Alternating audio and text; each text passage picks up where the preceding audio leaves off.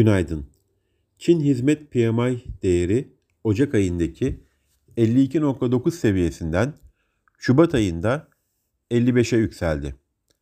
Atlanta Fed Başkanı Bostich, Fed'in faiz arttırım sürecini yaz mevsiminin ikinci yarısında durdurulabileceğini söyledi. Ticaret Bakanlığı tarafından açıklanan öncü verilere göre Türkiye'nin dış ticaret açığı Şubat ayında 12.2 milyar dolar olarak kaydedildi. Türkiye Cumhuriyeti Merkez Bankamızın brüt rezervleri 24 Şubat haftasında 1.4 milyar dolar azalarak 121.2 milyar dolara geriledi. Bugün yurt içinde TÜFE ve ÜFE enflasyonu açıklanacak.